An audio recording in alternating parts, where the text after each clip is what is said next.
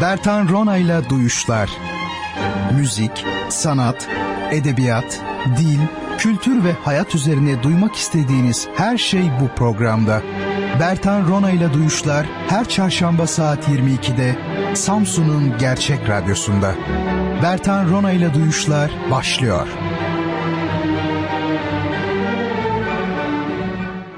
Sevgili dinleyicilerim, hepinizi sevgiyle, saygıyla selamlıyorum. Bertan Rona ile Duyuşlar programına hoş geldiniz efendim. Bertan Rona'yı dinlemektesiniz. Bendeniz bu programı her hafta sizler için hazırlayıp Cuma geceleri değil artık sizlerin de şahit olduğunuz gibi çarşamba geceleri saat 22'de sunmaya çalışıyorum. Efendim bir artık değişikliğe gittik. Duyuşlar belki bilen dostlar vardır. Ee, ilk başladığında yayın hayatına ilk başladığında çarşamba geceleri yayınlanmakta idi. Daha sonra bazı zorunlu nedenlerden ötürü programı cuma gecesine almıştık. Ancak bendenizin seyahat programı e, biraz yoğunlaşınca e, tekrar çarşambaya almayı uygun gördük. Bir anlamda yine mecbur kalmış olduk aslında. Çünkü cuma tabii hafta sonuna yapışık bir gün olduğu için e, seyahatler bakımından avantajlı oluyor. Zaruri bir takım yolculuklar söz konusu olabiliyor.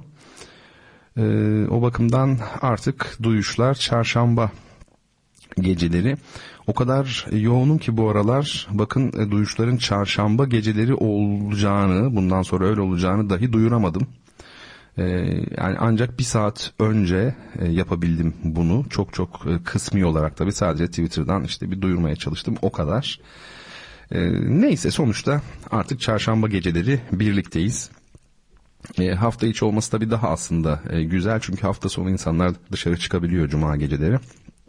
Bu bakımdan e, çoğu kişi için iyi olmuştur diye düşünüyorum. Tabii e, herkesin durumu farklı. İşte ben e, çarşamba geceleri kursa gidiyordum veya dersim vardı diyen e, dostlar da olabilir ama tabii e, bunun için yapacak bir şey yok. Efendim şimdi e, bu geceki programımız oldukça e, spesifik bir program. Sevgili Fatih Çelik o da e, yaklaşık 10 gündür cevap veremediğim çok sevgili dinleyicilerimden biri. E, programımızı çok sıkı takip eden e, bir dinleyicim. E, geçenlerde yazmış olduğu bir mesajda hocam e, yani farklı konulara değiniyorsunuz ama e, tadı damağımızda bile kalmıyor. Acaba tek tek e, daha e, derinlikli mi gitsek yani tek bir konuyu ele alıp onda derinleşsek mi? Aslında bu geçtiğimiz aylarda belki 4-5-6 ay önce e, bir müddet yapmış olduğum bir şeydi. Ben program renkli olsun isterim açıkçası. E, herkes kendinden bir şey bulsun isterim. O bakımdan fotoğraf, müzik, e, şiir, felsefe pek çok konuya temas ediyorum. Yani renkli. Tabii bir radyo programı olduğunu da unutmamak lazım duyuşların. Tabii bir radyo programında ancak belli bir yere kadar derinleşme imkanı oluyor. Belki bu yönüyle duyuşların misyonu e, dinleyicilerine bu konuların e, güzelliğini gösterebilmektir. Bu konuların varlığından haberdar edebilmektir ve insanları bu konularda düşünmeye, çalışmaya, araştırmaya teşvik etmektir. Ama onun dışında e, küçük bir okul gibi hatta medrese olduğunu, üniversite olduğunu söyleyen dostlar var sağ olsunlar. Öyle mi bilmiyorum tabii ama e, böyle bir yönü de var tabii onu inkar ediyor değilim. Fakat e, teker teker konuları ele alıp yani daha az konuyu daha derinlikli ele almak e, ne derece mümkün ne derece elverişli tam olarak bilmiyorum. Fakat bu gece e, içimden öyle geldi. E, tek bir konuyu ele almak istiyorum. Bu gece kitap hediyemiz de yok. Ben de çok zorlu bir yoldan geldim. E, ucu ucuna yetiştim aslında. Gece saat 3'te 4'te 04 gibi falan uyuyabildim. E, o bakımdan işin kırtasiyesi biraz kaldı. Bu gecelik de kitap olmasın bu haftalık ne yapalım yani. Değil mi? Haftaya e, telafi ederiz. E, peki konu ne? E, konu e, aslında e, çok ilginç bir konu. E, semavi dinlerin semavi dinler deniliyor ya yani göksel olan dinler tabi çok anlamlı bir adlandırma mı tartışılır ancak böyle bir adlandırma var sonuçta e, semavi dinler şeklinde yani tek tanrılı dinler kastediliyor açıkçası İbrahimi dinler yani işte Yahudilik Hristiyanlık ve Müslümanlık yani İslamiyet dinlerine toplu olarak bu isim verilmiş oluyor. e, bu dinlerin insan sesiyle çalgı sesine yaklaşımı. Öyle değil mi? E, ne demek bu insan sesiyle çalgı sesine yaklaşımı? Yani biliyorsunuz mesela çalgının camiye girmesi uygun değildir. E, aynı şekilde belli bir tarihe kadar kiliseye girmesi de aslında uygun değildi. Hristiyanlık olsun, İslamiyet olsun her zaman insan sesini yüceltmişlerdir. Davudi ses dersiniz, Hazreti Davut'dur o. Bakın yine İbrahimi gelenek, Yahudi geleneği veya işte efendim kilise korosu veya bizim ezanımız bunlar hep insan sesi temelli e, uygulamalar, litürjiler. E, çalgı peki neden bu kadar e, dışlandı uzun süre mabet tarafından ya da cemaat tarafından? Biliyorsunuz e, cami de cemaat demektir aslında yani toplayan demek de. E, kilise de öyle cemaat demek. E, havra da öyle aslında. Hepsi cemaat demektir. Çünkü aslında binanın kendisi kastedilmiyor. Orada toplanan cemaat kastediliyor. Cemaat kavramı aslında dinin aslında esasında var. Çünkü belli bir düşünceyi paylaşan insanların bir araya gelmesi. E, bu yönüyle baktığımızda e, ulus tabii çok daha geç bir kavram ama yani diğer insan topluluklarına göre daha fazla birliktelik içeriyor. Çünkü tercihle, bilinçli tercihle oraya gidilmiş. Bu da işin daha başka bir yönü tabii. Dolayısıyla işte dediğim gibi mabette yani camide, kilisede, havrada neden en azından belli bir döneme kadar sıcak bakılmamış enstrümanlara e, onun yerine insan sesi tercih edilmiş. Bunu e, konuşmak lazım. Şimdi ben sizler için e, Instagram'a bir e, görsel yükledim oradan paylaştım. Bertan Rona benim e, Instagram'daki hesabım. Twitter'daki hesabım da Bertan Rona ve programımızın elektronik posta adresi duyuşlar@gmail.com. Benim e, elektronik posta adresim yine bertanrona@gmail.com şeklinde. Buralardan e, bizi takip edin. Çünkü çeşitli paylaşımlar oluyor işte az önce söylediğim gibi. Bir tablo e, umarım görüyorsunuzdur. Eğer Instagram kullanmıyorsanız yani Instagram'da beni bulup o tabloyu şu an göremiyorsanız o zaman size söyleyeyim Raffaello'nun Santa Cecilia Vecd esnasında adlı bir tablosu bu. Tablo değil aslında tabi altar panosu muhtemelen de şey yani bir çalışması diyelim bir eseri diyelim fark etmez konumuz o değil zaten şimdi. Ee, bu çalışma neyi anlatıyor? Şeyden de bulabilirsiniz Google'dan da Raffaello Santa Cecilia Ekstaz yazın ekstazi yani vecd esnasında. Santa Cecilia C ile yazıyorsunuz tabii ki Google'dan bulacaklar için söylüyorum ama dediğim gibi Instagram'dan paylaştım. Şimdi bu tablo bu çalışma e, öyle söyleyeyim e, Pinacoteca Nazionale'de yani Ulusal Resim Galerisi'nde Bologna'da dini bir eser efendim Raffaello Sanzio'nun e, bir çalışması 1483-1520 yılları arasında yaşamış olan bütün zamanların en büyük ressamlarından biri. 1514 yılında yapmış bu çalışmayı. E, altar panosu bu tabi dediğim gibi sunak e, panosu yani resmi 220 santimetre 136 santimetreymiş. Anakronik tabi e, eserin betimlediği zaman çünkü tabloda gördüğünüz o figürler var ya 5 kişi onların bir araya gelmesi imkansız aslında. Çünkü farklı zamanlarda yaşamış e, din büyükleri onlar. O bakımdan anakronik tabii ki. E, kapalı kompozisyon anlayışıyla yapılmış. Bunlar bir çeşit künye tabii ki. Bunları hızlı geçmek istiyorum. Esas konumuz bu değil ama tabloyu da anlamanız lazım. Şimdi tabloda ne görüyoruz? Beş kişi görüyoruz. En solda kılıcına dayanmış bir adam görüyoruz. Bu kişi Paulus.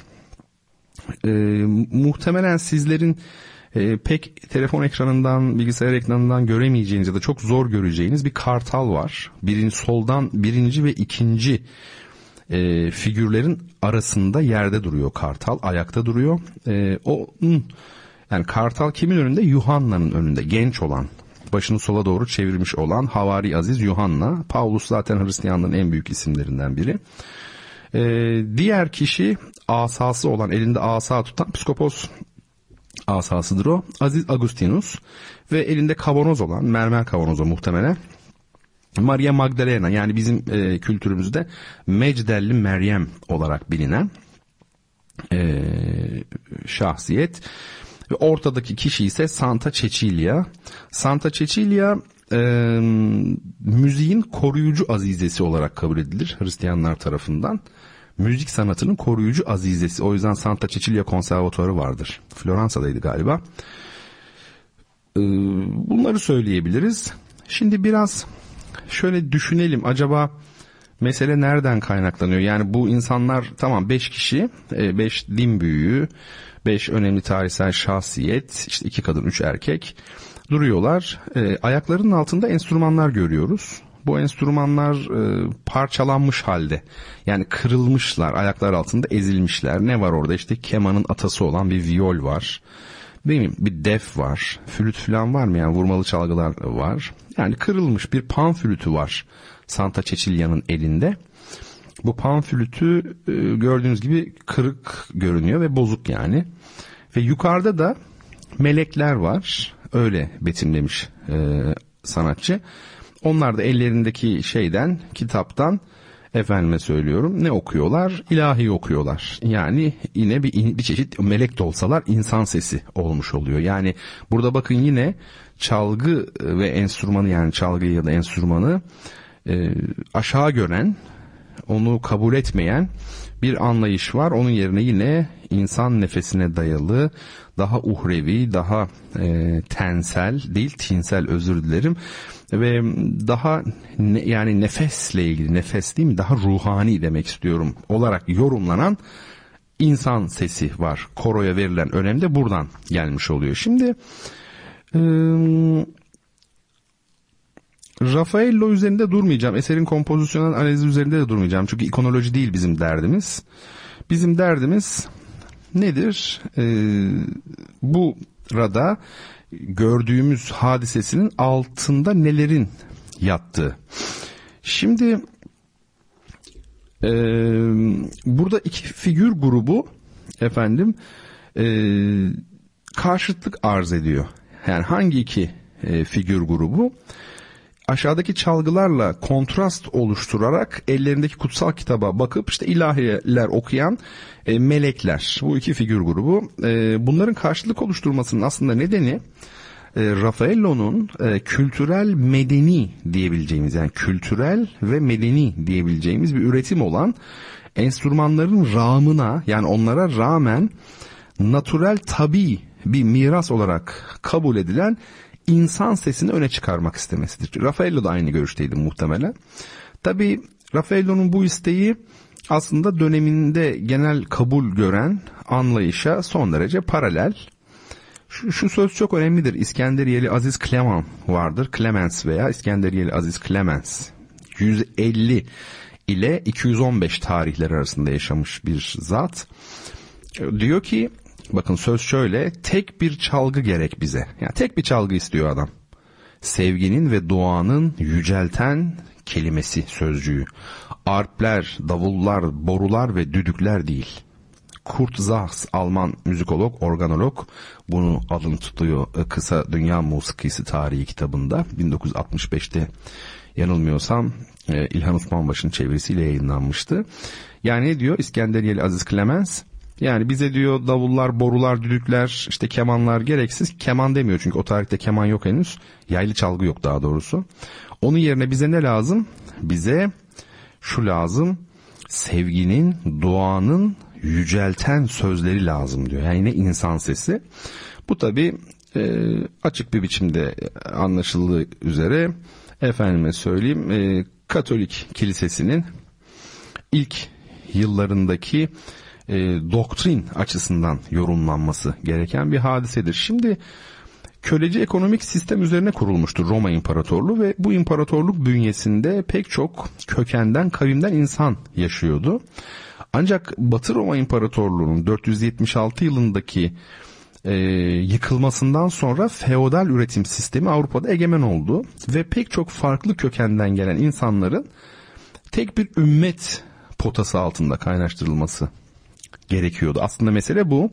Tabi Hristiyan cemaatlerini oluşturanların bu yani ilk cemaatler e, genellikle yani neredeyse yüzde yüzü tamamı yani okuma yazma bilmediği için e, kutsal kitabı da yani İncil'i ve e, farklı dinler konuştukları için de birbirlerini anlayamıyorlardı. Yani ne şeyi kitabı ne birbirlerini. Tabi bu durum papalık kurumunda çareler aramaya itiyor ve 1. Gregorius döneminde 590'da doğuyor Gregorius pardon hatırlayamadım 590 değildi galiba. 590 şey hükümdarlık dönemi de değil de yani papalık dönemi. 590 ile 604 arasında e, papalık yapmış bir papa 1. Gregorius. O dönemde bu sorunların aşılması için litürji esnasında yani oradaki ibadet esnasında kullanılan müziğin sistemleştirilmesine karar veriliyor. E, pek çok coğrafyadan melodi örnekleri toplanıyor. Neden? Ya sözleri anlamıyor kimse, birbirlerini de anlamıyorlar cemaatteki insanlar, farklı gruplardan insanlar bunlar. E, o zaman ne yapabiliriz? Müzikle biz ayetleri ezberletelim cemaate. Müzik e, evrensel bir dil madem. E, böyle bir düşünce ve her yerden melodi devşirilmiş, toplanmış. Bunlara da daha sonra çok yüzyıllar sonra Gregorius ezgileri denilecek. Ee, şimdi bu melodiler tabi dünyevi olanla e, ya da sefahatle yani zevkü sefa ile ilişkilendirilen, nefsle ilişkilendirilen e, çalgılarla değil gayet tabii ki insan sesiyle seslendiriliyordu bu melodiler. E, o dönemde dediğim gibi vurmalı ve üflemeli çalgılar bulunmaktaydı. Yaylı çalgılar gelişim aşamasındaydı. Neredeyse e, yok gibiydi. Şimdi vokal çalgısal yani vokal enstrümantal ya da e, ne diyelim e, yine tabi şan yani insan sesiyle çalgı sesi. Bu şekilde belirginleşen bir şey var karşıtlık var. E, bir süre sonra ama bu karşıtlık kendisine Katolik ilahiyatında yerleşeceği bir zemin buldu. Şimdi bu zemini söyleyeceğim ama şunu söyleyeyim. Bu söylediklerim büyük oranda İslamiyet için de geçerlidir. Yani değil mi? Vokal çalgısal ayrımı açısından. Şimdi bir e, müzik arası verelim. Burada heyecanlı bir yerde kaldık çünkü. Vokal çalgısal biçiminde belirginleşen karşıtlık bir süre sonra yoksa vermeyelim müzik arası. E, heyecanlı böyle birdenbire dedim ki ya biraz daha sen anlat. Çünkü yani heyecanlı bir yer burası kabul edelim. Nedir o Katolik ilahiyatında yerleşeceği zemin bunun? O da şu. Dünyevi, karanlık, maddi, kültürel, reel olana karşılık uhrevi, aydınlık, manevi, natürel ve kavramsal olan. Bir daha söyleyeyim. Dünyevi, maddi, kültürel, karanlık ve reel gerçek olana karşılık uhrevi, aydınlık, manevi, natürel ve kavramsal olan işte böyle bir şeye böyle kavramsallaştırıldı aslında. Daha doğrusu böyle bir ayrılık, bir ikili karşı olum vardı bunun üzerine yerleştirildi. Şimdi müzik aramızı verelim arkasından kaldığımız yerden devam edelim sevgili dinleyicilerim.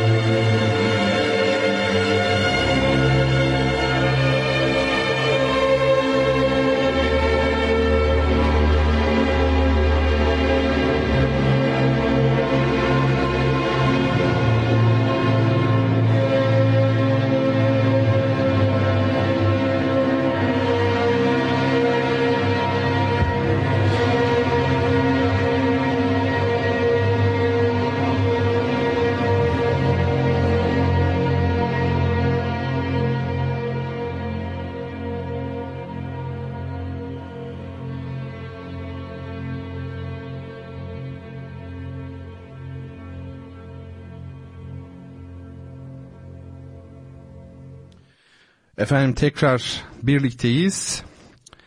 Raffaello'nun bir tablosundan hareketle semavi dinlerin insan sesine ve çalgı sesine olan yaklaşımları üzerinde durmaya çalışıyor idik. Ani bir müzik girişi oldu. Oldukça uzun aslında e, duyuşlar tarihinin belki de en uzun müziği ne çaldık bu gece. Neydi bu olağanüstü yapıt? Mahler'in, Avusturyalı besteci Gustav Mahler'in 5. senfonisinin ağır bölümü Adagietto'su. Ee, bu tabi çok önemli bir müziktir. Mahler e, bütün müzik tarihi boyunca sanat tarihi demek istemiyorum çok iddialı olur edebiyatı da katmayalım zaten ama müzik e, tarihi içinde yani besteciler arasında ölüm üzerine en çok düşünmüş olanıdır. Yani onun daha gençlik eserlerinden itibaren hep ölüm teması vardır. Hep iki dünya teması vardır. Ee, bu müzik biraz tabii onu anlatıyor. Onu anlattığı gibi aynı zamanda Visconti'nin Venedik'te Ölüm adlı ünlü filmi Thomas Mann'ın e, tabii şaheseri üzerine çekilmiş bir film biliyorsunuz romanı üzerine kısa romanı üzerine. E, o filmde de Visconti yönetmen olarak Mahler'in Adagietto'sunu tercih etmiş. Gerçekten de isabetli bir tercih olmuş oluyor. Viyana Filarmoni Orkestrası'nın e, ve orkestra şefi tabi Leonard Bernstein'in yorumuyla dinledik. Eşsiz bir müzik. E, çok beğenen, etkilenen varsa ben bunu tekrar dinlemek isterim diyen varsa tabi önümüzdeki haftalarda artık bu bölüm duyuşların bu bölümü SoundCloud'a yüklenmiş olur, düşmüş olur. Oradan dinlersiniz ama ben size söyleyeyim. Mahler'in M-A Hatay'ın H'si var arada. Mahler yazılıyor ama tabi Almanlar öyle okumuyor. Mahler diyorlar. Mahler'in 5. senfonisinin Adagietto'su. Yani ağır bölümü, ikinci bölümü. O şekilde bulabilirsiniz. Şimdi dedik ki vokal müzik ile çalgısal e, müzik arasındaki karşıtlık üzerine oturacağı bir zemin buldu. Bu zemin zaten binlerce yıldan e, beri aslında bu kadim İran ve Hindistan dinlerinden beri var olan maddi manevi karşıtlığı. Yani bir tarafta dünyevi, karanlık, maddi, kültürel ve reel olan var e, insani olan aslında bir manada beşeri olan bu dünya hayatı yani maddi yapı öbür tarafta uhrevi olan aydınlık olan manevi olan natürel olan ve kavramsal olan var. Tabi bu ikinci grup yüceltilmiş oluyor değil mi? İnsan bedenine dair, maddeye dair her şey kötüleniyor, karanlıkla niteleniyor. Onun dışında insan usuna yani aklına, insanın ruhaniyatına, ruhaniyetine yani maneviyatına dönük olan her şeyde yüceltilmiş oluyor, yükseltilmiş oluyor. Şimdi e, burada bir dualizm var. E, açıkçası bir e, binary opposition denilen yapısalcılar böyle diyor genellikle. Ne o? İşte ikili bir karşı olum söz konusu. Bu karşı olum, bu dualizm tabi dediğim gibi Hristiyanlık öncesi dinlerden miras alınmış olmakla beraber e, Katolizmle birlikte aslında son noktasına kadar götürülmüş e, ve ortaya böyle dengeli hani yin yang gibi bütünsel bir alem tablosu, cihan, dünya tablosu, kainat tablosu çıkmıştır. E tabi çalgılar bu tabloda açıkça ilk grupta yer alıyor yani maddi grupta. İnsan sesi ise ikinci gruba dahil ediliyor, üstün tutuluyor. Şimdi Yuhanna İncil'i dört İncil içerisinde en şiirsel olanıdır en felsefi olanıdır aynı zamanda. Bu İncil'de belirtildiği gibi başlangıçta söz vardı. Söz e, aslında logosun çevirisi olarak yani kullanılmış burada. Logos vardı başlangıçta. E, logos tabi Hazreti İsa'yı da sözle anlatıyorlar yani insan ol diyorlar. Allah'ın kelimesi kelimetullah değil mi? Ee, Kur'an-ı Kerim'de de öyle geçiyor. Bu tabi söz nedir aslında şöyle bir bakacak olursak bakacak olursak düşünce içeren sestir. Yani sözün iki yönü var. Söz iki ayak üzerinde yükseliyor. Bir tarafı ses öyle değil mi? Yani siz bir söz söylediğinizde bir ses çıkarmış oluyorsunuz. Ama bir tarafı da anlam. Yani sesin içine anlam girdiğinde söz oluyor. Zira e, işte sözün hani dediğim gibi iki bileşeni düşünce ve ses. Dolayısıyla e, Hz. İsa'nın sözlerinin veya tanrısal esinin her şeyden önce insan sesiyle dile getirilmesi ilk akla gelen seçenek veya en doğal yol addedilmiş oluyor. Zaten kün feyekün dediğimiz şey de ol dedi, yani ol der olur. Orada da bakın yine e, bütün varlığın, vücudun başlangıcı bir kelama dayandırılmış. Yani Allah kelam edicidir. Yani kelamla başlamış oluyor. Şimdi e, müzikoloji dediğimiz e, bilim dalının içinde müstakil ve son derece saygın bir alan var. Bir alt dal var. O da organoloji. Yani çalgı bilimi. Bu bilimin, çalgı biliminin verileri var bizim elimizde. E, bu verilere göre yaylı çalgılar ilk olarak bahsetmiştim orta çağda, orta çağda üretiliyor, icat ediliyor. Ancak eski çağlardan beri var olan vurmalı çalgılarla ve üflemeli çalgılarla e, karşılaşıyoruz biz. Bunlar insan bedeniyle tabii sıkı bir imitasyon ilişkisi içerisinde, taklit ilişkisi içerisinde, benzetim ilişkisi içerisinde oluyor. Derslerimde e, öğrencilerime hep bir kavramın, terim olarak onu veriyorsam, bir Latin dillerindeki karşılığı, e, bir Arabi karşılığı, bir de daha e, öz Türkçe karşılığını veriyorum. Mesela imitasyon, taklit, D ile sonu ve bir de ne var? Benzetim. Bu üçünü de bilmeleri lazımdır. E, ancak böyle donanımlı olunabilir. Yani karşılığını bileceksiniz. Siz Türkçesini tercih edebilirsiniz. Bu bir tercihtir. O konuda tartışmalar bitmez. Yani bir kısım der ki siz öz Türkçecilik yapıyorsunuz terminolojide ve hata ediyorsunuz. Sizin bu terimlerinizi Avrupa'da kimse anlamaz. İşte e, müziğin dili evrenseldir. Mesela uluslararasıdır. Bu bir düşünce. Ama bunun aksini e, ispat eden düşünceleri ben saatlerce dile getirebilirim. Dolayısıyla bu tartışmalara girmeden şu zeminde buluşmak lazım. Türkçe terminoloji tercih edilebilir veya bizim daha kadim hani böyle bin yıllık kendi Türk İslam geleneği içerisinden baktığımızda e, Arapça temelli, Arapça Farsça bunlar da tercih edilebilir. Ama onu ya da onu e, tercih etmeniz ayrı konu. Hepsini bilmeniz ayrı konu. Yani hepsini bilmek gerekir mutlaka onu söyleyeyim. E, şimdi ne dedik? Taklit, imitasyon, benzetim dedik. Yani üflemeli ve vurmalı çalgılar insana bakılarak yapılmış. Tabi vurmalı çalgıların nereye bakılarak yapıldığı belli. İnsan kalbine. İnsan kalbi demek hayat demek, yaşamsallık demek. Annemizin kalbini duyarak biz aslında hayata başlıyoruz. Yani doğduğumuzda biz hayata başlamıyoruz aslında. Yani 8 aylık 9 aylık bebek bir varlık bir birey yani değil mi? İşte hatta 120 günden sonra aslında bir değil mi?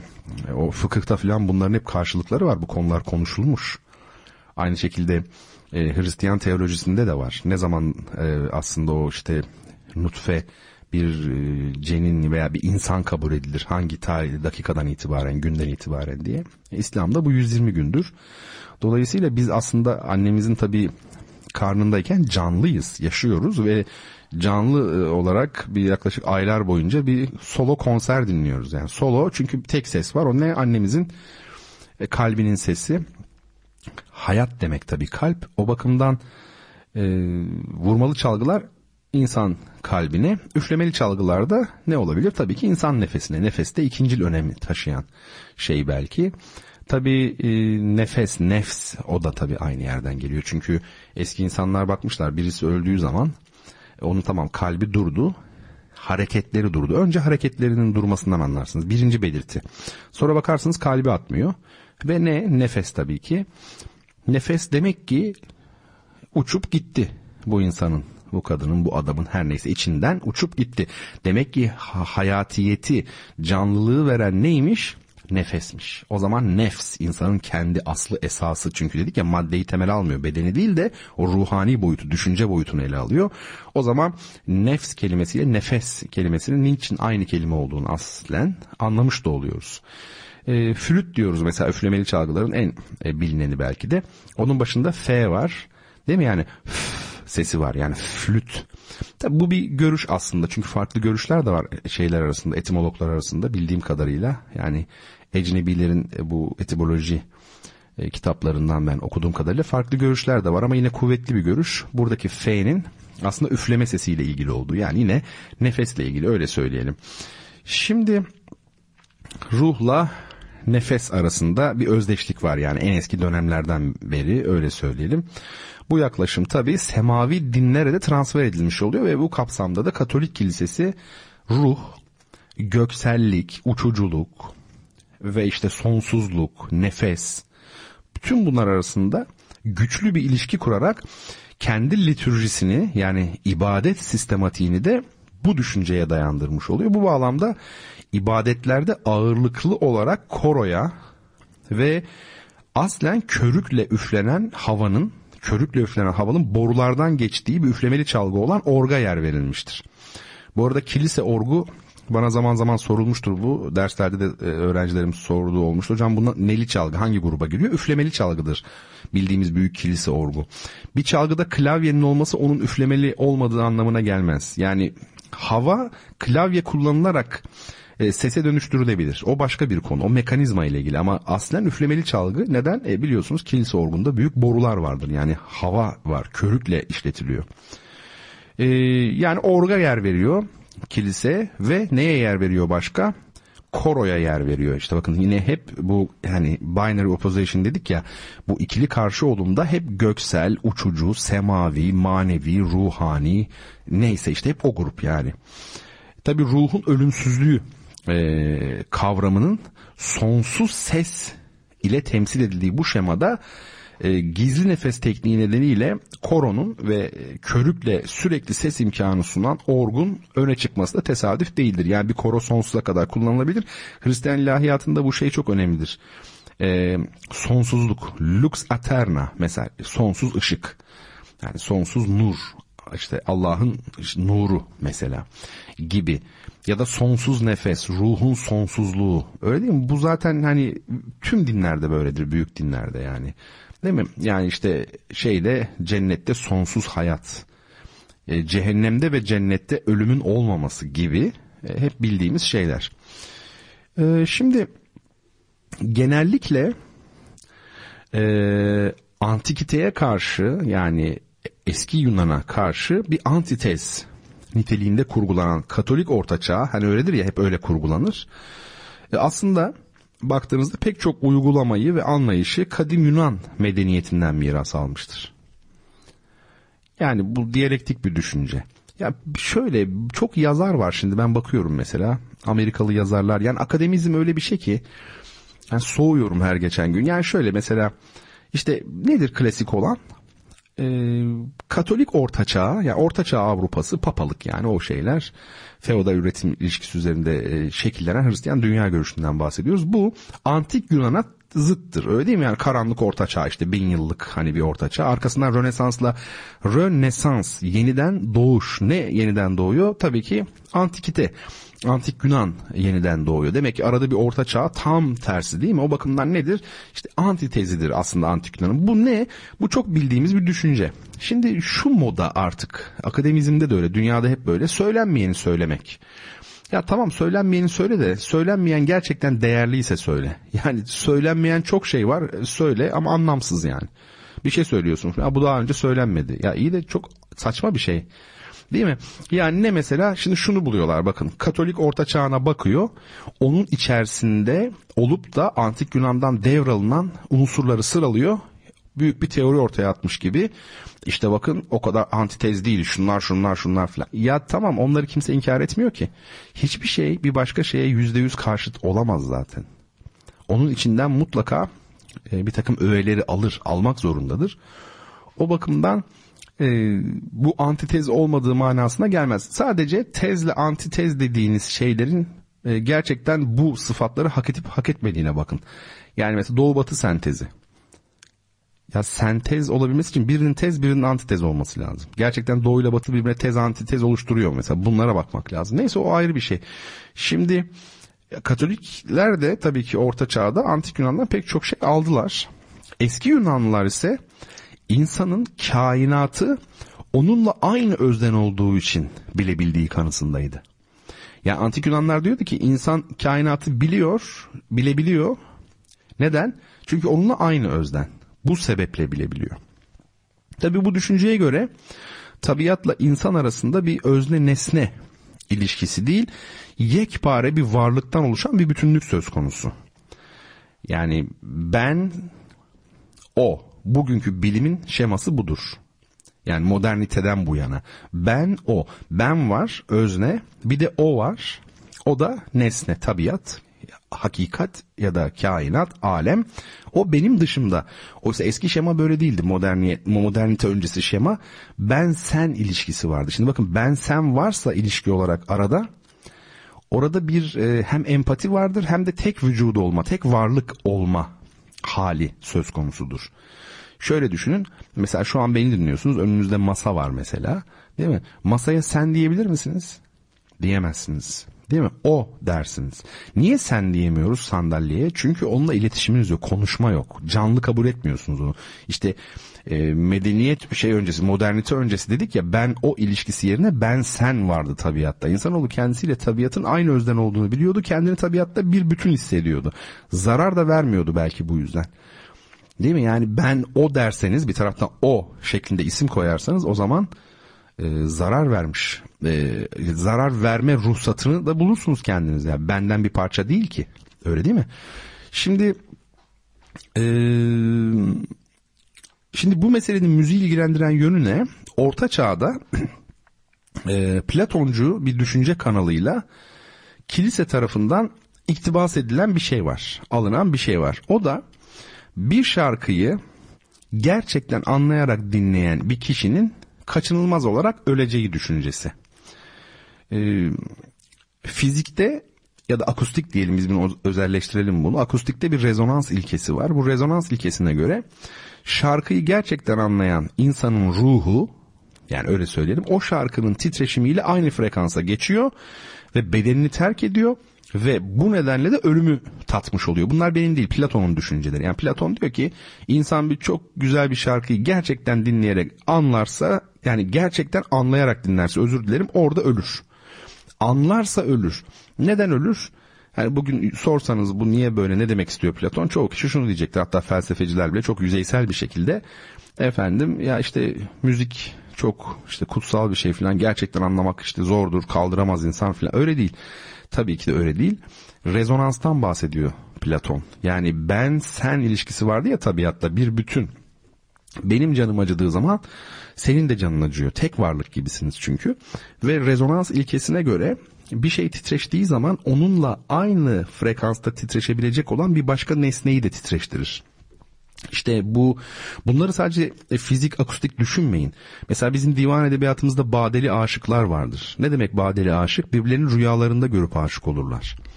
İşte bakın orada rezonans olmuş oluyor. Eski e, doğu masalları böyledir ya hep böyle birbirlerini görmeden aşık olanlar, burada bir şey olunca orada titreyenler, ferhatlar, şirinler. Bakın öyle bir şey var böyle iklim var orada. İşte rezonans ilkesi bu Platon da diyor ki işte ruh o şarkıyı dinlediği anda titreşmeye başlar. Neden? E çünkü müzik titreşim demek. Tellerin titreşimi, e, derinin titreşimi, e, üflemeli çalgının titreşimi fark etmez. E dolayısıyla o titreştiği zaman sen anladığında senin de ruhun onunla aynı frekansa geçiyor. E, ruh titreşmeye başlayınca bedenden çıkıyor ve kişi ölümü tatmış oluyor. Bu Platon'un düşüncesi. Burada önemli olan husus insan ruhunun seslerle ilgisi olduğu yolundaki inançtır. Zira bu inanç kilise tarafından devralınmış bir inanç ve zaman içinde enstrümantal yönü törpülenerek insan e, salt insan sesine dayandırılmış. E, bunu e, belirtelim. Şimdi isterseniz e, gelin bir biz müzik arası daha verelim. Gustav Mahler'in Adagettos'unu umarım beğenmişsinizdir. Şimdi ise e, yüz akımız dünya çapında en büyük müzisyenlerimizden biri olan Aydın Esen'in Speak Without Words isimli olağanüstü kompozisyonunu dinleyeceğiz. Bu da çok uzun bir kompozisyon. E, daha evvel duyuşlarda çalmıştık biz bu müziği e, dünyada herhalde en üst düzey tabi cazın çok çeşitleri var yanlış anlaşılmasın bu söyleyeceğim yani akustik band elektrik band var var oğlu var yani caz ekolleri falan çok farklı e, çalışmalar yapanlar var deneysel ama şu gerçekten yani en üst düzey seviyede bir caz kompozisyonu onu söyleyebilirim. Şimdi Aydın Esen'in olağanüstü müziğiyle e, sizleri ben baş başa bırakayım. Arkasından e, bu konuda biraz daha e, derinleşelim. E, insan sesiyle enstrüman sesi farklılığı arka planda neye dayanıyor? Biraz daha belki tablo temelli konuşmak lazım. Instagram'a yüklemiştim Santa Cecilia Vecd esnasında ona da e, bir tekrar dönüş yapabiliriz. E, kaldığımız yerden de devam etmiş oluruz sevgili dinleyicilerim.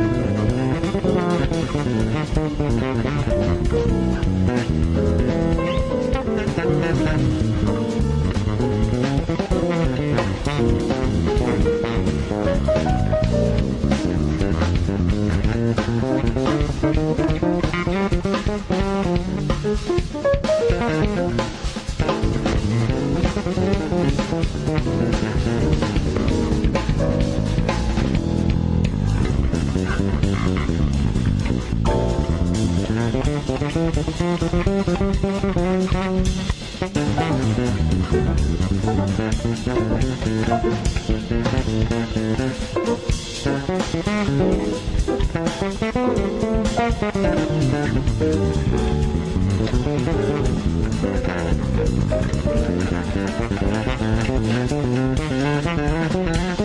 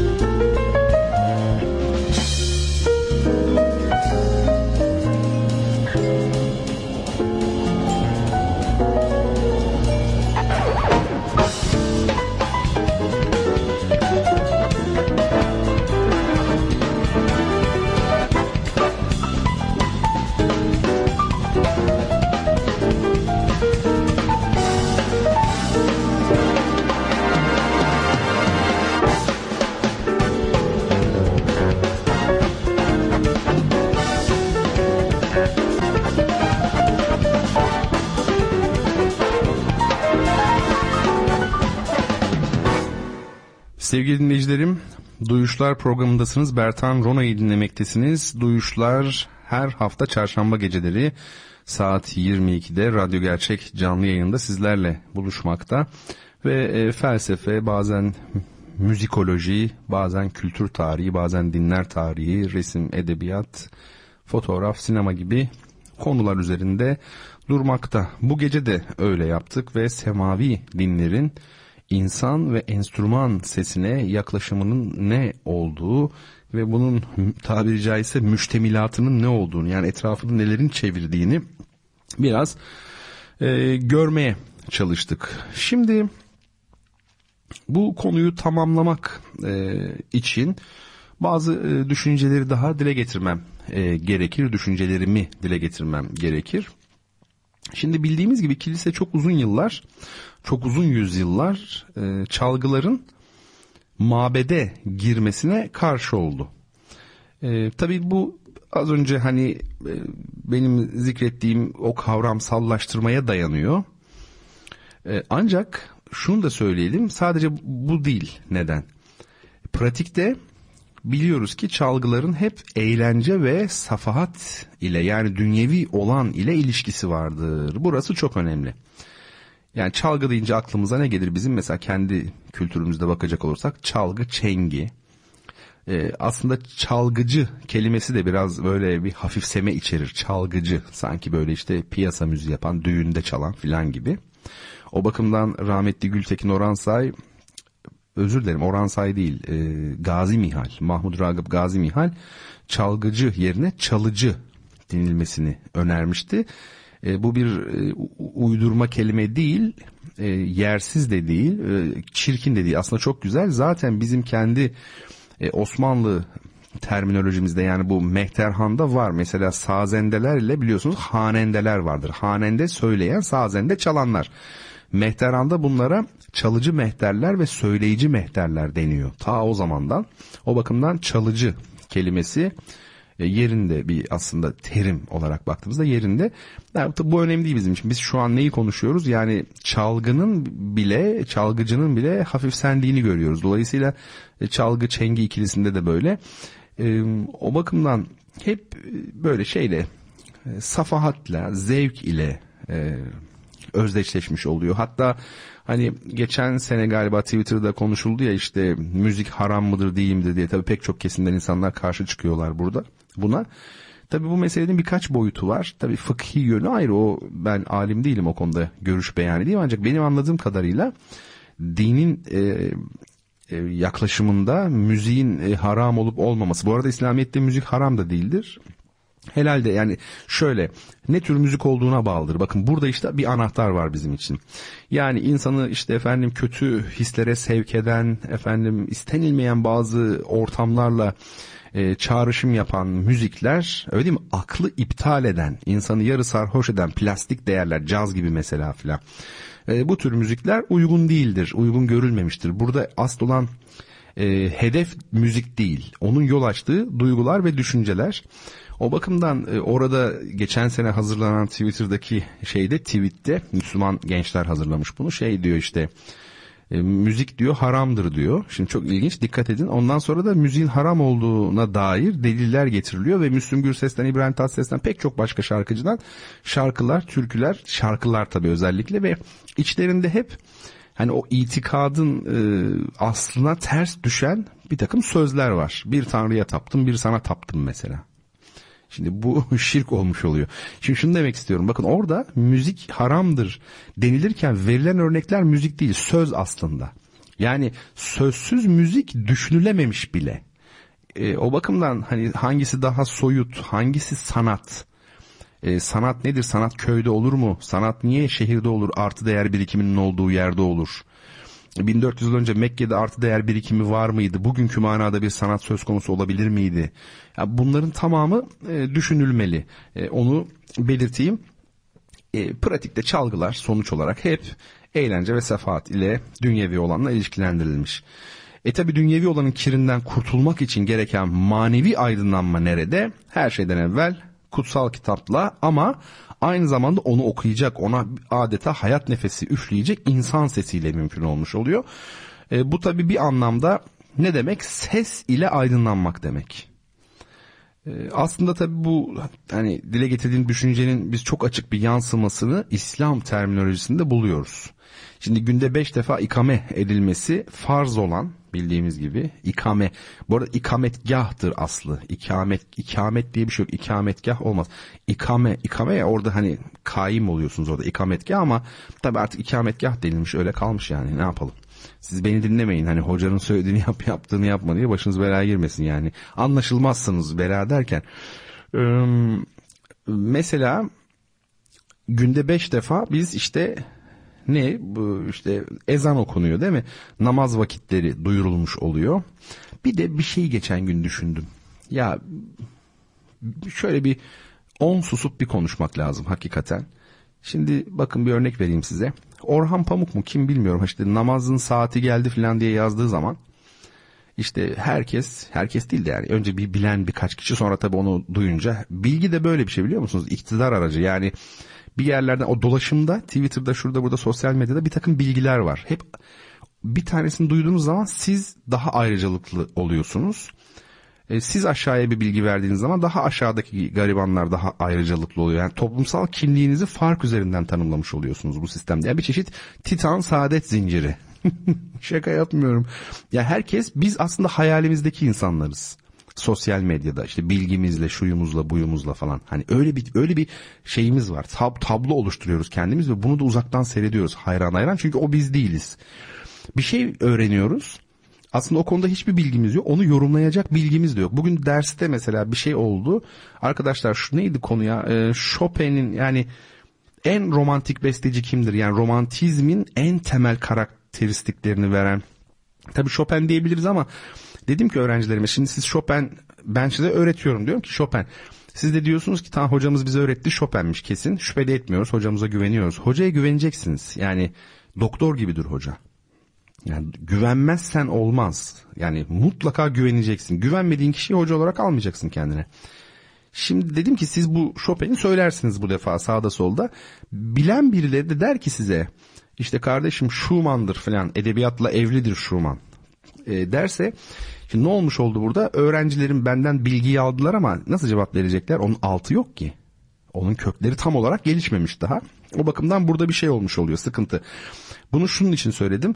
İşte Orhan Pamuk da namaz namaz saati diye yazdığında biri çıkıp dedi ki namazın saati olmaz vakti olur dedi. Ya bu adam bizim kültürümüze çok uzak biri falan. Tabi olay böyle daha e, sosyal, siyasal göndermelere falan dönüştü. Sonra herkes bunu öğrendi yani. Böyle bir şey. Namazın vakti olur, namazın saati olmaz. Valla ben o kadar emin değilim işte diyorum ya 10 defa susmak lazım. Hep daha dibe kazımak lazım. Şimdi neden öyle? Şundan dolayı saat kelimesi tarihte her zaman bizim bugün kullandığımız anlamda kullanılmadı ki. Nasıl kullanılsın? Saat mi vardı ki saat desinler? Bakın düşündüğünüzde ne kadar ilginç değil mi? Yani biz sanki kavramlar, olay, nesne ve ilişkiler hiç değişmiyormuş gibi konuşuyoruz. Olur mu öyle şey? Değişiyor. O bakımdan saat eskiden vakit anlamında da kullanılıyordu. Hatta an manasında da kullanılıyordu. Mesela ecel saati geldi ne demek? Adam saat 9.30'da ölecek demek mi? Ecel saati geldi. Ecel vakti geldi. Kıyamet saati geldi diyor. Bakın orada saat işte vakit anlamında yani an manasında kullanılmış oldu. O yüzden hani sessiz olalım biz daha çok öğrenmeyi tercih edelim. Yani hakikaten öyle. Neyse bu şuradan geldik buraya. İşte günde beş defa minareden ne okunuyor? İşte ezan okunuyor namaz için. Şimdi bu minare kelimesi manara. Manara işte şey minare yani Arapçası. Biz bunu Türkçe söyleyişle minare yapmışız. Osmanlı Türkçesinin hani nicesin, hoş musun, safaca mısın? Hani o bir güzelliği var 16. yüzyıl, 17. yüzyıl İstanbul Türkçesi eşsiz. E orada minare yapmışız. Salanikos şehrin adı biz Selanik yapmışız. Olağanüstü işler bunlar. Bu minare ne demek biliyor musunuz? Hangi kökten geldiğini Arapça dersi alanlar var mı aramızda? Kursa gidenler, hoca ile beraber oturup çalışanlar, Arabi çalışanlar. E, nur kökünden geliyor aslında minare. Nur. Burada bakın işte sesle aydınlanma meselesi var. Minareden söylüyorsunuz o nur ışık sesle aydınlanmış oluyorsunuz. Bu tabi şeyde de olan bir şey. Yani Hristiyanlarda da olan bir şey. Öyle değil mi? Yani bir de şey var ya hani ziya, nur ayrımı var zaten biliyorsunuz. Ziya fiziksel, e, nur ruhsal bir şey. Tabi şimdi bu böyle ama bu bir yorum aslında. Gerçekte biliyorsunuz bu minare kelimesi niye hakikaten değil mi? Minarede ses var ama nur kökünden geliyor. Bu garip değil mi? Garip. Gerçekte minare kelimesi deniz fenerlerinden geliyormuş. Onlar da böyle ince uzun ya kule şeklinde. E, denizde ışık veriyor onlar da. Buradan minarelere de o ad verilmişti. Bu tabi daha reel, daha mantıklı bir açıklama gibi görünüyor. Ama öbürünü de saklı tutmak lazım. Efendim şimdi isterseniz gelin bir müzik arası daha verelim. Bu e, gece çok güzel müzikler e, seçtim. Gerçi bizim müziklerimiz hep çok çok iyi ama e, bu gece böyle Mahler Adagietto uzun böyle işte değil mi? Aydın Esen. Şimdi daha kısa, çok daha kısa ama bu programda hiç çalmadığım bir besteci. Hiç ilk defa çalıyorum. Fazıl Say. Fazıl Say'ın e, bir zamanlar e, fantazi parçaları adı altında yazdığı 3 parça vardı. Çok çok eski tarihlerde 1993'te. O zamanlar Fazıl Say 23 yaşındaydı. Ve bu parçalardan ikincisi Eski İstanbul'a Ağıt. Bu olağanüstü bir müziktir. İçinde siz bunu hemen fark etmezsiniz ama Üsküdar'a giderken aldı da bir yağmurun teması gelir sağ elde ama bir perdenin arkasında gelir böyle trillerle gelir. Ee, ona bir dikkat edin. Müzikteki derinliğe bakın, soyutluğa bakın. Hakikaten olağanüstü. Ben Fazıl Say'ın özellikle çok genç yaşlarında yaptığı kompozisyonları beğeniyorum. Sonradan tabii biraz daha hani medyatik olunca ister istemez e, dikkat çekici eserler yazmak durumunda oluyorsunuz, sipariş alıyorsunuz falan. Yani o medyatizm zarar veriyor insana. Ama 23 yaşındayken, 25 yaşındayken onu daha kimse tanımıyorken e, yazdığı kompozisyonlar Nasrettin Hoca'nın dansları gibi mesela Manhattan'da bir derviş gibi onlar hakikaten e, çok çok iyi kompozisyonlar ama çok gösterişsiz. Yani bir buçuk sayfalık mesela bu eski İstanbul'a ağıt yani iki üç sayfalık bir piyano parçası hepsi o kadar. Şimdi güzelce dinleyelim ondan sonra da bağlarız e, ve final müziğimizle ben sizlere veda etmiş olurum. Haftaya da kaldığımız yerden devam ederiz sevgili dinleyiciler.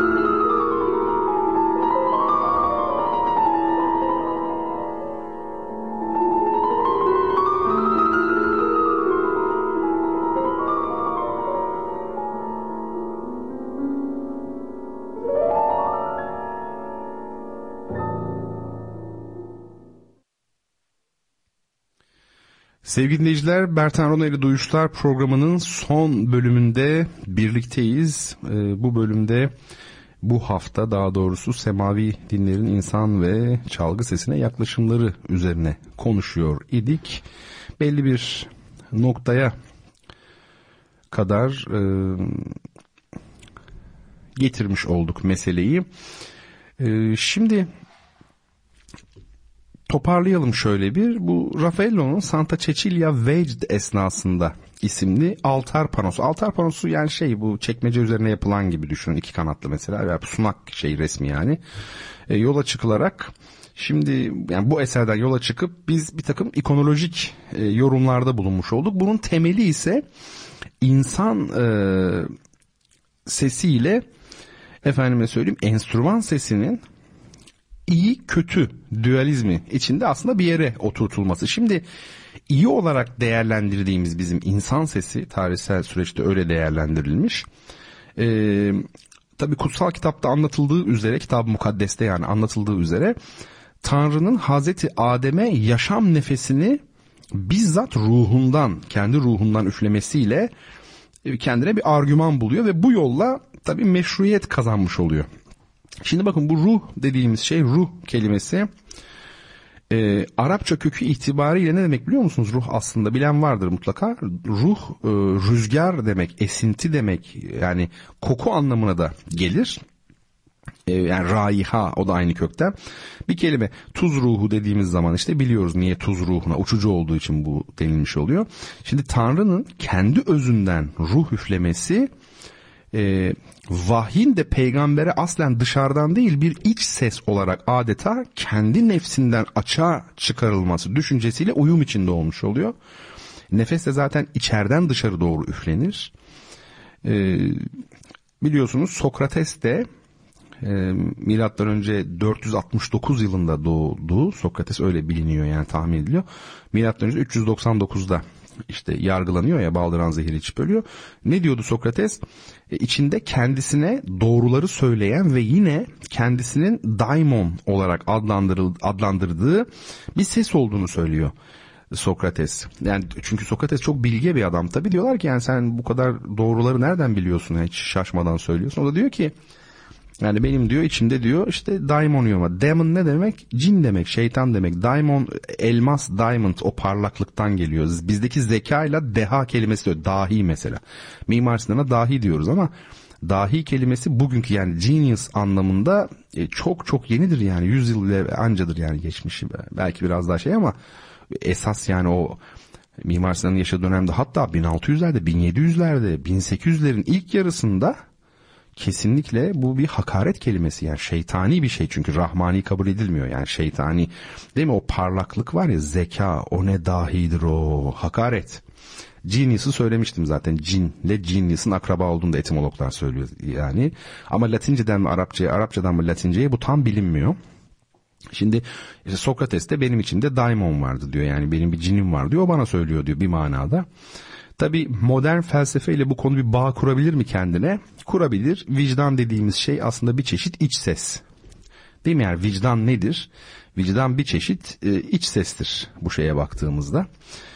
E, dolayısıyla çok çok sevgili dinleyicilerim işte bu vicdan kavramı yine Hristiyanlık dininde de önemli bir konudur onu söyleyelim. İnsan sesinin ve tabi onunla ilgili olan her şeyin göksel olanla, uhrevi olanla ve yaratılışla bağı üzerinden olumlandığı bu şemada aslında çalgıların da dünyevi olanın yanı sıra ekskatolojik bakımdan şeytanlaştırılması söz konusu olursa son olarak İsrafil'in e, çalacağı suru biz hatırlayabiliriz. E, İsrafil'in çalacağı sur ne ilgisi var bu konuyla? Şimdi kıyamete ilişkin özellikle Kur'an'daki anlatım ve tasvirler son derece açık çarpıcı. Buna göre kıyamet vakti geldiğinde İsrafil ne yapacak? Kendi tabiri caizse çalgısına üfleyecek. Çünkü sur bir enstrüman ve yaşayan her canlı ölecektir. Değil mi? Bunu biliyoruz. Anlatım bu şekilde. Bu görünüm ilk insanın burnuna yaşam nefesinin ve tabi ruhun bizzat Tanrı tarafından üflendiği yaratılış anlatısıyla tabi çok çarpıcı bir karşıtlık oluşturuyor nefesle başlayan hayata kontrast olarak üflemeli çalgıyla biten bir hayat tasavvuru görüyoruz biz burada. Çok ilginç. Bunu tabii ben yorumlayarak söylüyorum. Tanrı'ya içsel olarak değil aracıyla ulaşma düşüncesinde tamamen olumsuzluyor aslında. İslam'ın yaklaşımı. Yani Tanrı'ya aracıyla değil, aracı kullanarak değil tamamen içsel. Çünkü üf, yani nefeste aracı yok. Şarkı söylerken siz el, enstrümanınız nerede? İşte yok yani boğazınız, gırtlağınız, ses telleriniz, diyaframınız, akciğeriniz mesela değil mi? Ağzınız, diliniz neyse ama mesela üflemeli çalgı çaldığınızda bir araç var. Bir aracı var yani müzikle aranızda. İşte burada Tanrı ruhundan üflediği yaratılışta ama kıyamette bir enstrüman görüyoruz. Şimdi e, aslında enstrüman kelimesi de araç demek zaten. Alet demek. Oysa sesi ve nefesi e, insanın nesidir? Özüdür. E, bunun en açık kanıtında biz etimolojik verilerde buluyoruz. Yine insanın özünü, zatını ifade eden bir kelime var. Nefs dedik ki o da işte hani nefesle aynı kökten gelmiş oluyor. E, dinle ile ilgili ya din her zaman özle ilgilenir aslında. Nasılla ilgilenmez, nedenle ilgilenir, nedeni dert edinir. E, modern bilimde nasıl vardır, neden yoktur. Yani galaksilerin bilmem nesini mesela bulur. Aradaki açıyı işte genişleme sabitini ışık ama neden? Bunun anlamı ne? Neden? Neden? Bunun cevabını aramaz. Oysa ki din özle ilgileniyor. Nedeni kendisine dert edinen bir yönü var. Ee, bu bakımdan amacı kendinde olana yani ototelosu bulunana mesela sanata çok sıcak bakmayabilir. Çünkü modern sanat nasıl bir şey? Amacı kendinde. Nedeni yok. Oyun oynamak gibi. Niye oynuyorsun oyun? Hayatta ne karşılığı var? Sanatın ne karşılığı var? Aslında baktığında Mozart'ın 40. senfonisi ne? Yani bizim boyumuzu mu uzatıyor? Bize para mı veriyor? Daha mı sağlıklı oluyoruz? Ne? Yani sadece dinliyorsunuz. Sadece bir zevk alıyorsunuz ondan. Dolayısıyla bir çeşit oyun gibi. E din özle ilgileniyor. Diz, din nasılla ilgileniyor? Mesela satranca karşı. E karşı çünkü sana bir yararı yok. Yani yarar ilkesinin olmasını e, önemsiyor. Bu nedenle dediğim gibi amacı kendinde olan yani ototerosu bulunan şeylere sanatta bunlardan biridir. Din sıcak bakmayabilir. E, ama doğal, kendiliğinden ve tamamen içsel olan insan sesi bu nedenle e, Hristiyanlığa başta olmak üzere işte yapay hesap işi ve dışsal olarak değerlendirilen e, çalgılardan her zaman çok daha yüce görünmüştür. İnsan sesinin böyle bir yüceliği var.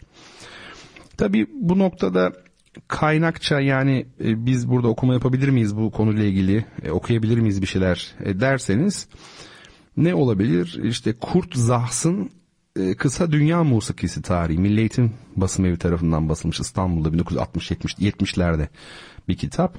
Bir de tabii Erwin Panofsky'nin İkonoloji Araştırmaları 2012 yılında Pinhan Yayıncılık bu kitabı e, çıkarmıştı. Çevirisi sorunlu bir çeviri, çok sorunlu bence. Ama tabii azmederseniz anlarsınız. Rönesans sanatında insancıl temalar. Bu tabii Panofsky'nin e, efsane bir eseri ve ikonoloji denilen bilim açısından da çok temel bir e, yapıt. Bir de tabii kitab mukaddes tabii incelenmesi lazım ki bu ikonolojinin anlaşılabilmesi açısından. E, bunları önerebilirim. Şimdi efendim bu bölümümüzdeki konu başlığımızı şimdilik böyle bir tarafta bırakmış olalım biz. Daha sonra bununla ilgili şeylere geliriz. Umarım sevgili Fatih'in isteği de gerçekleşmiş oldu en azından bu bölümde. Tek bir konuyu ele aldık ve biraz daha detaylı gitme şansımız oldu. Şimdi son olarak şeyi duyurayım yani bu bizim kampanyalarımız vardı. Ben onlarla hiç ilgilenemedim. Kampanya yapacağımız yerden de arkadaşlar bana e, ulaştılar. E, hocam ne oldu işte 10 gün geçti falan mahcup da oldum biraz ama o kadar büyük yoğunluğum var ki yani programı nasıl yaptığıma ben de şaşıyorum bu programı. O bakımdan e, yani biraz gecikme oluyor ama kesinlikle vazgeçmem öyle bir yapım var. Yani tuttuğumu koparmak isterim hayatta. Allah'ın izniyle yani bunu da biz yapalım ve bitirelim. Öyle değil mi? Yani daha evvel biz mesela Van'da yapmıştık. Tokat'ta yaptık. Onlarda başarılı olduk. Dolayısıyla bunu da yapabiliriz. Adana'da Yumurtalık'ta bir okulumuz var. Ben Twitter'dan da yükleneceğim biraz bu aralar artık duyuracağım. Buradan belki dinleyen bir kişi der ki ya ben şunları alabilirim falan. Olur ya. Ee, hadi ne olursunuz. Yani şu okulun ihtiyaçları çok zor ihtiyaçlar değil. Biz yapabiliriz bence karşılayabiliriz. Herkes bir tanesini alsa. Ya olur olmaz diye bir şey yok. Bir bakın mesela neymiş bunlar. 15 tane futsal topu. Futsal diye bir şey varmış herhalde kapalı mekan futboluna futsal deniyormuş. Salon herhalde futsal o mu bilmiyorum ki. 15 adet futsal topu 4 tane futsal kaleci eldiveni. Yani ne var bunlarda eldiven yani herkes bir tanesini alacak işte. 4 katım bocce seti. Bo, bocce mi bu? Bokke mi? Bocce mi? İşte set. 4 takım dart seti. 2 takım slalom seti. 3 tane trambolin. 10 adet voleybol topu. 10 adet futbol topu. 10 adet handbol topu. 10 adet basketbol topu. 4 takım handball seti böyle bir şey varmış handball bir takım huni seti. Ee, hadise bu. Yani bunları bulamaz mıyız? Yani 10 adet voleybol topu ne var yani? Herkes bir tane alsa değil mi? Yani 3 kişiden biri voleybol topu alsın mesela ama şöyle bir şey oluyor. Geçen şeylerde kampanyalarda yaşadık bunu. Mükerrer alım oluyor şimdi. Mesela bunu dinleyen bir kişi diyelim ki işte 4 takım dart setini alıp gönderiyor. Abi bakıyorsunuz ertesi gün 4 takım bir tane daha geliyor. Çünkü haberi yok ki kimin ne aldığından. Kimse bilmiyor. O yüzden burada e, sizlerden istirhamım bizimle iletişime geçin. Doğrudan benimle aslında iletişime geçin. E, Twitter'dan yazın bana. Efendime söyleyeyim yine mail atabilirsiniz. Instagram'dan direkt mesaj yazabilirsiniz aynı şekilde. Ya deyin ki ben şunu almak istiyorum mesela. Ben şu topu almak istiyorum hocam. Şu, şu şunu ben alırım. Bak bir daha okuyayım. Yani okuyacağım. 15 adet futsal topu. 4 tane futsal kaleci eldiveni, 4 takım bocce seti, 4 takım dart seti, 2 takım slalom seti, 3 tane trambolin, 10 adet voleybol topu, 10 adet futbol topu, 10 adet handbol topu, 10 adet basketbol topu, 4 takım handball seti, 1 takım huni seti. Ha bunları biz niye almayalım? Şimdi öyle şey oluyor ki mesela bir kişi şu an belki dinleyen öyle durumlar oluyor yani. Dinliyor mesela radyodan tesadüfen bunu. Direkt arıyor. Ben diyor hocam hepsini diyor alıyorum diyor mesela. Şimdi hani bunun için adamın iş adamı olmasına da gerek yok. ne ki bu istediğimiz iş adamı arıyoruz yani. Bir fıkra var. E, Temel'e demişler ki Temel e, büyük ikramiye çıkarsa sana ne yaparsın? Demiş ki bir kilo soğan alırım cücüğünü yerim demiş hepsinin. Şimdi tabi bu tür fıkralar bazı insanlık durumlarını anlatır. Demek ki temel, yani temelin soğanın cücüğünü yiyebilmek için büyük ikramiyeye ihtiyacı var. Yani işi ona kalmış artık. O kadar ki parasız yani. Dolayısıyla biz de o halde olmayalım. İş adamına gerek yok bunlar için. Ben kendim de tabii ki alacağım. E, lütfen iletişim kurun benimle. Duyuşlarla, radyo gerçekle hiç fark etmez. E, yeter ki şu okulumuzu e, eksiklerini, okulun değil tabii yani bu öğrencilerin anladığım kadarıyla. Parayla işimiz yok bu arada. Kimseden para istemiyoruz. Hesap numaramız falan falan yok. Bunlar geliyor, radyoda toplanıyor, tek bir kargo ile gönderiliyor. Orada da fotoğrafları çekiliyor toplu halde zaten. Öğrencilerimizle mesela. Onları da bazen yani göstermeden. Öyle olunca e, yani yanlış bir şey de yapmamış oluyoruz. Ne güzel yani böylelikle öğrencilerimiz bakın onların hepsi sporcu. Çok başarılılar bu arada bana gönderdiler bugüne kadar yaptıkları işleri dereceleri. Çok daha iyi şeyler yapabilirler. Sadece e, desteğe ihtiyaçları var. Sizden özel olarak istirham ediyorum bir kere daha altını böyle iyice çize çize böyle berkiterek çiziyorum. Hadi şunu bir güzelce halledelim. Daha sonra bir rehabilitasyon merkezimizin değil mi ses sistemini müzik dinletebilmek için hastalarımıza ayarlayacaktık. Onları da yaparsak program daha güzel olur tabii yani felsefe iyi hoş da bir de hayatın gerçekleri var. Efendim bu gecelik de bu kadar. Finalde sizleri Fazıl Say'ın Nasrettin Hoca'nın Dansları adlı 3 adet olağanüstü güzel bana kalırsa kompozisyonuyla e, baş başa bırakıyorum. Haftaya çarşamba gecesi yine saat 22'de sizlerle birlikte olmayı ümit ediyorum. Sağ olun, var olun. Beni dinlediğiniz için sağlıcakla kalın.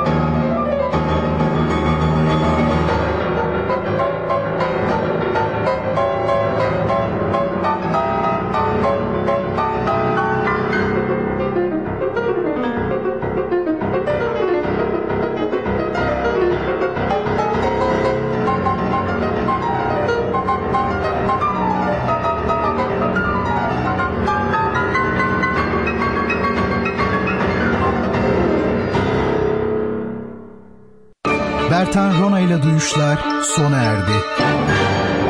Bu program hakkındaki düşüncelerinizi dinleyen et radyogercek.com adresine mail atarak bize ulaştırabilirsiniz. Dinlemiş olduğunuz programda ürün yerleştirme yapılmıştır.